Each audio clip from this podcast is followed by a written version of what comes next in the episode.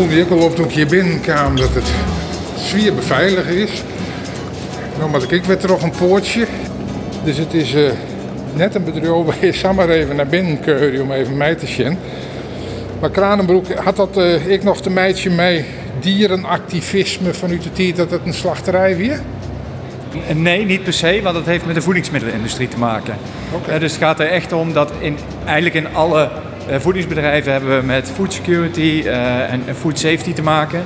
En zorgen we dus voor dat er nooit mensen die niet daar werken of daar horen te zijn naar binnen kunnen in het bedrijf. Kwam hier even handen wassen. Oké, okay. handwasje, altijd goed.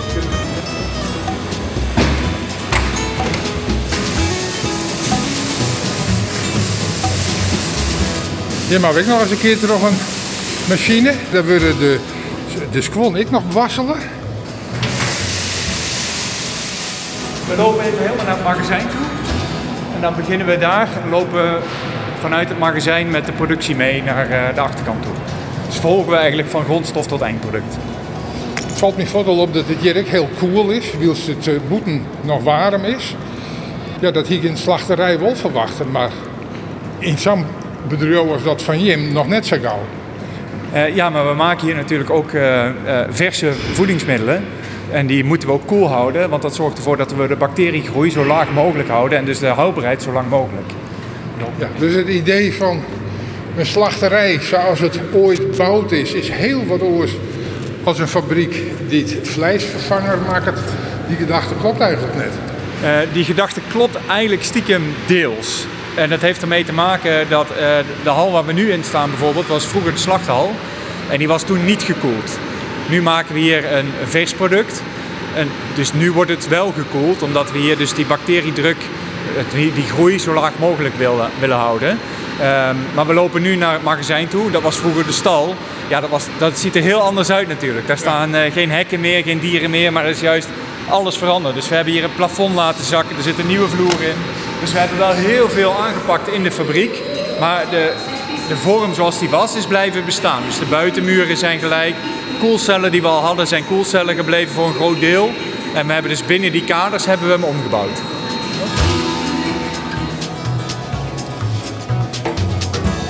Nou, ik kan wel roepen, we komen hier in het magazine dit specerijen en kroegen opslaan binnen. Ja, ja en uh, onze texturaten, uh, om een idee te geven, de Vleesvervangers worden veelal gemaakt vanuit een, een texturaat. Dat wil zeggen, we hebben een plant en een plant heeft eiwitten, plantaardige eiwitten. Dat eiwit wordt eruit gehaald. Dat wordt eerst een concentraat. En dat concentraat wordt onder hoge druk verwerkt in een texturaat. Een zogeheten TVP, Texturized Vegetable Protein. En dat is de basis waarmee wij uiteindelijk onze vleesvervangers maken. Dus daar gaan wij grondstoffen aan toevoegen, zoals smaakstoffen, kruiden, bindmiddelen, vetten. Want er moet ook een beetje vet in een product zitten, anders is het niet lekker. en op die manier bouwen wij langzaamaan naar een eindproduct toe. En als het goed is, staat hier wat. Een hele grutte baal. Kijk, en dit, zijn nou, uh, dit is onze TVP. En het leuke van deze is, deze komt van Nederlandse veldbonen. Dus we hebben in Nederland uh, hectare met veldbonen staan. Die veldbonen die worden, die zijn nu zo'n beetje weer geoogst van dit seizoen. We zitten nog net een beetje in een aanloop van het oogstseizoen. Die worden dan ehm, nagekeken of ze goed zijn qua kwaliteit, ook qua vochtgehalte. En als dat allemaal goed is, gaan ze naar de fabriek toe. Daar worden ze helemaal gemalen, zo fijn mogelijk. En dan gaan ze in een zogeheten R-classificatie, een soort grote orkaan, een windstroom. En doordat er een verschil zit tussen het gewicht van het eiwit en het zetmeel, kunnen we het eiwit daarmee fysiek scheiden. En dat fysieke eiwit, wat we dan gewonnen hebben, dat bloem, witte bloem, dat textureren we en dat komt dus komt er zo uit te zien. Ja, dat zijn iets kereltjes is maar, hè? Ja, en daar gaat dus, uh, dat is nu helemaal droog. Je kunt het ook gewoon eten. Het zijn een soort... Ja, bijna, ja hoor, het zijn bijna cornflakes. Dat kan net dat knapperig is, maar er, er zit wel een stevige bijtoon. En qua smaak, nou, heel, heel neutraal. Ja. ja, dat is ook het idee. Zo neutraal mogelijk, zodat wij daar uiteindelijk in het eindproduct alle kanten mee op kunnen. Hoe neutraler het product smaakt, hoe mooier wij een eindproduct kunnen maken. Want wat er niet in zit qua smaak, hoef je ook niet te maskeren. Een principevraag is natuurlijk, ik wil, wil je nou een productmeisje dat zo vol mogelijk liekt en smaakt als het oorspronkelijk stukje vlees? Of is het uitgangspunt, Dat is mooi mijn naam, maar er moet ik een bepaalde voedingswaarde in zitten die het ongeveer gelijk is aan als dat het echt vlees was weer. Ja, het is niet vlees nog vis, het is beide. dus we proberen echt aan beide meteen te voldoen. Dus we, de intentie is een product te maken wat zo dicht mogelijk bij het echte product komt. Daar, we maken daar grote stappen in. Ik denk dat de, de vleesvervangers die in de winkel liggen al echt wel heel veel beter zijn dan bijvoorbeeld vijf jaar geleden. Maar ik denk als we vijf jaar verder zijn en we kijken terug, dat we dan weer dezelfde conclusie trekken. Uh, maar voor nu zijn we echt al wel met de hele industrie op een mooi punt beland. Waar het echt goede, lekkere vleesvervangers aan het worden zijn. Uh, maar daarnaast moet wel de voedingswaarde kloppen. Dus waar wij naar kijken is dat we hoog zijn in eiwit. We nemen ook nog mee vezels. Hè, want Nederlanders, of algemeen mensen, eten eigenlijk te weinig vezels. Dus wij voegen, zorgen ervoor dat er voldoende vezels in zitten. We voegen vitamine B12 en ijzer toe aan de meeste vleesvervangers. Zodat je ook, als je dit zeven dagen in de week zou eten, geen uh, deficiënties krijgt daarop. Um, nou, en dan zit daar nog vet in, maar wij pakken dan juist ook weer een vet wat zo laag mogelijk in verzadigd vet zit. Zo, om daar ook gezond te zijn. Waardoor je niet eens hoeft te vergelijken misschien met vlees, maar misschien nog wel een gezonder product aan het maken bent als je alle parameters bij elkaar optelt.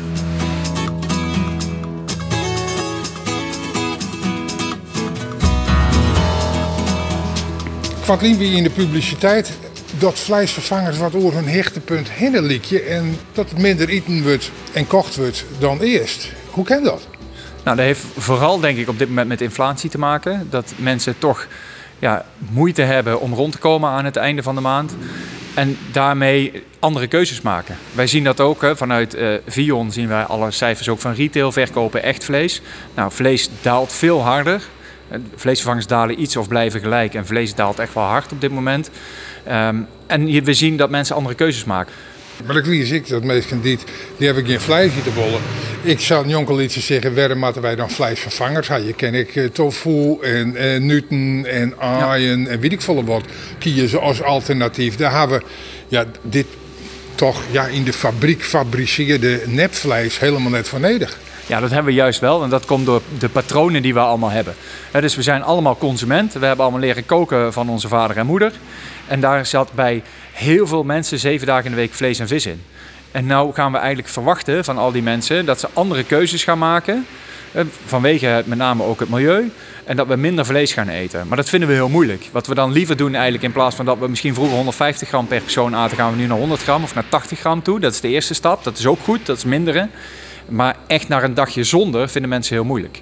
Omdat als wij nu de straat op zouden gaan en we pakken een willekeurig persoon en we geven die eh, een blokje tofu en zeggen kom we gaan samen naar de supermarkt, koop er maar bij wat je wil, maak daar eens een lekkere maaltijd van. Weet ik zeker dat heel veel mensen dat heel moeilijk gaan vinden. Terwijl als we dan zeggen hier hebben we een vegan burger, maak er eens wat van. Nou dan kunnen mensen toch wel creatief een broodje hamburger maken en dan is het nog lekker ook. En daar zit nu de overgangsfase, dat we eerst die stap moeten nemen. En als we hier aan gewend zijn, dan worden we weer nieuw creatief. En dan geloof ik wel dat we naar, naar bonen, noten, tofu, direct consumeren toe gaan en dat veel meer in onze maaltijden krijgen. Joshua zegt van het is een, een heel zoen alternatief, maar daar ben ik meestal. Die zorgen dan op de achterkant van zijn wasken en die zorgen dat dat vol met één nummer zit, het product. Dat kan net goed wezen. Ja, nou dat kan wel goed zijn. Dat is niet per se een probleem. E-nummers zijn juist goedgekeurde hulpstoffen. dus dat heeft juist de hele Europese Commissie is daar. Uh, ja, maar het zijn hulp, hulpstoffen. Ja. ja en dat mensen liever het pure eten hebben zonder hulpstoffen, dan komen ze dus ja, net bij je producten, kunnen ze dan niet komen. Nee, dat, dat is zo. Als iemand dat heel vervelend vindt of dat een no-go vindt, dan zullen ze echt naar het direct consumeren van bonen toe moeten of granen of wat dan ook. Maar dan wordt het wel moeilijker om een gebalanceerd dieet te vinden. Want dat betekent dat alles wat wij toe kunnen voegen, dat wij het aminozuurprofiel, zoals dat dan heet, dus alle verschillende eiwitten eigenlijk die we nodig hebben, in een product kunnen stoppen en daar vitamine aan toe kunnen voegen.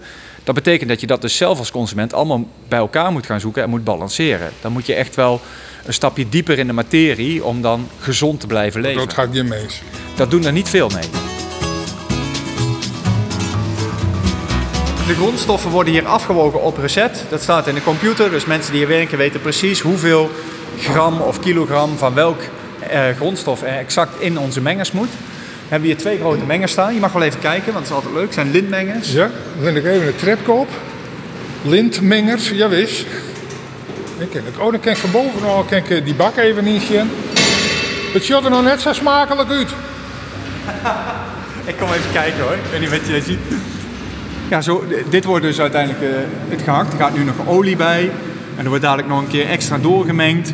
En dan gaan we ervoor zorgen dus dat het uiteindelijk een, een soort nou ja, plantaardige deeg is, wat op een vleesdeeg lijkt. En dat gaan we dan op de lijn verwerken. En daar gaan we in dit geval gehakt van maken. Ja, dat gebeurt al hier uh, vol automatisch. Ja. De rintje wil personeel om, maar net een heel soort. Hoeveel mensen werken hier eigenlijk? In totaal ongeveer 30 mensen in dienst. En in de tijd dat nog slachterij weer? Uh, ik denk dat we ongeveer op hetzelfde zaten destijds. Oh. Maar dat is van voor mijn tijd, want ik ben pas gekomen toen, het, uh, toen we de ombouw gingen doen. Ja. Maar dat was wel een, een bijzonder moment. Daar zeggen ik een soort mensen in de provincie van op. Miljoenen investeerd in het bouwen van een nagelnije, hypermoderne slachterij. En al heel gauw daarna was zijn van we houden daarop bij slachtje en vleesverwerking. We meidje er precies het je oerstelde van, namelijk een fabriek voor vleesvervangers. Ja, ja, dat is een, uh, een bijzondere beslissing. Ik snap dat mensen dat zo zien. Um, maar wat we niet moeten vergeten, er gaat heel veel tijd aan vooraf voordat er een slachterij staat. En in de tijd dat wij uh, vanuit het bedrijf de keuze hadden gemaakt om hier een slachterij te bouwen, zag de wereld er heel anders uit. Het is een beetje wat boeren hebben hetzelfde meegemaakt. Op dat moment ging het melkquotum eraf. En dat betekende dat er veel meer runderen zouden komen. Want boeren gingen meer koeien houden. En er werden stallen bijgebouwd om meer te kunnen melken. Uh, daar kwam bij dat een concurrent in Amsterdam hield op op dat moment. Was nog geen beeld dat hij zou herbouwen of niet. Dus er kwam eigenlijk minder capaciteit qua slachten in de markt, maar meer aanbod van runderen. Daarbij hebben we toen gezegd, oké, dan denken wij dat het een goede moment is om in te stappen om zelf een slachterij te bouwen. Laten we dan ook in het noorden doen, waar, de meeste, waar het meeste melkvee zit, zodat we daar mooi dicht bij de bron zitten. Nou, zo geschieden. Maar voordat de vergunningen rond zijn, voordat de hele bouw af is, nou noem maar op, zijn we een aantal jaren verder. En toen was daar in één keer niet meer, het melkquotum was er wel af, maar toen kwam er in één keer het nieuwe mestquotum op. Dat hebben we ook bij boeren gezien die ja, half lege stallen hebben op dit moment, omdat die natuurlijk in één keer in een nieuw plaatje terechtkwamen en niet zoveel runderen mochten houden, melkvee mochten houden als dat ze wilden. Nou, daarmee werd het aanbod dus al minder dan dat we gehoopt hadden. Daar kwam bij dat die concurrent die ophield toch ook nog een nieuwe slachterij bouwde. Dus er was in één keer toch, waren toch weer eigenlijk dezelfde capaciteit qua melkvee, maar meer capaciteit.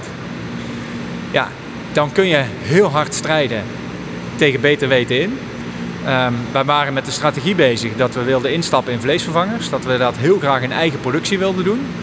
Ja, en er stond hier een prachtig nieuw gebouw. Waarvan het maar de vraag was of we dat ooit vol op capaciteit konden laten draaien. En toen hebben we de hele harde beslissing genomen. En dat, dat doet altijd zeer. Want als je aan zo'n groot plan begint met het bouwen van zo'n slachterij, dan is dat natuurlijk waar je het voor doet. Um, maar goed, dat is ook ondernemen en zeggen: dit gaat hem waarschijnlijk niet worden. We hebben hier een nieuwe, andere mooie kans om door te zetten. Nou, en zo geschieden en zijn wij hier aan het ombouwen gegaan uh, eind 2019. Spelen bij die beslissing ook nog een rol uh, dat de, de keuringsdienst in het noorden strenger wie als op oren plakken? Nee, ja, weet je, dat, dat vind ik een moeilijke om daarover. Ik, daar ben ik niet bij betrokken geweest, dus daar kan ik niet echt een uitspraak over doen. Maar in de publiciteit spelen dat wel heel dit een rol, hè? Ja, maar ik denk het gaat vooral om het marktperspectief. En als je daarnaar kijkt, dan was dit gewoon de beste beslissing. Hier hebben we de bakken klaarstaan, met de deeg zit erin. Daar zitten netjes alle barcodes op. Je ziet dat we ook aan temperaturen zijn, om ja. zeker te weten dat alles aan onze kwaliteitsnormen voldoet. Dat deeg gaat in de vulmachine. En vanaf die machine is eigenlijk alles hetzelfde als in een gewone vleesfabriek. Dus het is eenzelfde machine waar uh, vlees gehakt mee geproduceerd wordt. Alleen wij gebruiken een plantaardig deeg. Ja, je, je spreekt van een deeg, maar, maar dat is het basismateriaal waar dan ja, de, de burger of wat en ik ja. van, van makken wordt. En of dat nou vlees is of dat vervangende materiaal wat Jim hier produceren, dat maakt het van dit stuk van de productie niks uit. Nee, nee, dat is exact gelijk. Hier hebben we dan de, de porties gemaakt hè, op gewicht zoals we dat met de klant hebben afgesproken. Uh, gaat automatisch in een schaaltje en het schaaltje loopt helemaal naar achter door en dan uh, staat het klaar om naar de klant te gaan. Dan gaat het naar de klant, maar die klant die jou nou bedoelde, dat ben ik net. Maar dat ben bedrijven die het bij Jim wat in een bulk bestellen. We, we, we gaan naar de retailer toe. Ja, maar daar komt net je merk op, maar de merknamen van die retailers, van die supermerk zeg maar. Ja, wij zijn 100% private label. Dus dat wil zeggen, onze naam van de, is de naam van de fabriek, Meet the Alternative. Maar het uiteindelijke labeltje wat erop komt, is het merkje van de retailer in Nederland. En dat kan Albert Heijn wezen, of de Lidl, of de Jumbo. Of... Ja. ja. Ben dat ik concreet je klanten, of mij hem dat net zitten? Uh, nou ja, wij, wij, leveren bij een, een, blauwe supermarkt en bij een gele en bij een groene. En uh, ga zo maar door. Dus uh, wij hebben een breed pakket aan klanten in Nederland.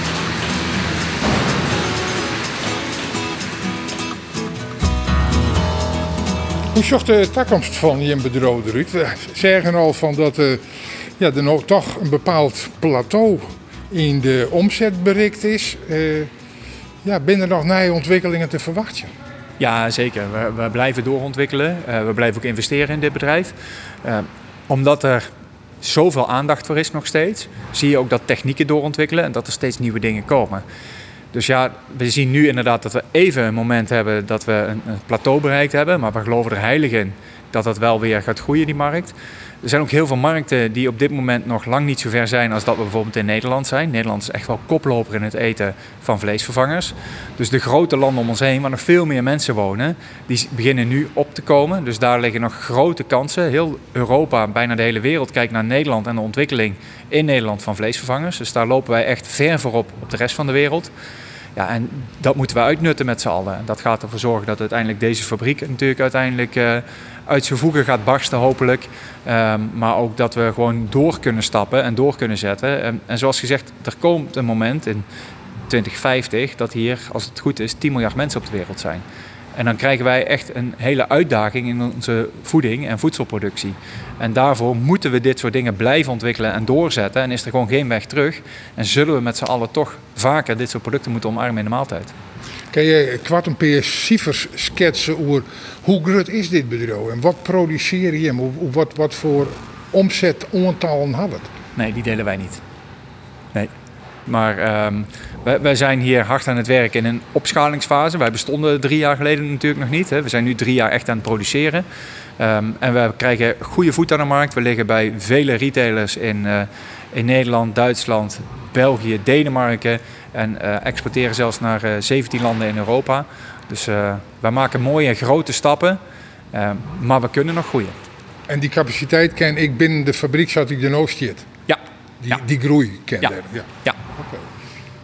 Ben er al plannen op de tekentafel van misschien uitreizen? Zeker, maar daar kan ik nog niet over uitweiden. En ben je mutereerde cijfers? Want het kost natuurlijk een soort geld om uh, die hele ombouw te realiseren. Ook daar maak ik geen uitspraak over. Ben ik al bang voor, maar ik denk, ik stel de vraag wel.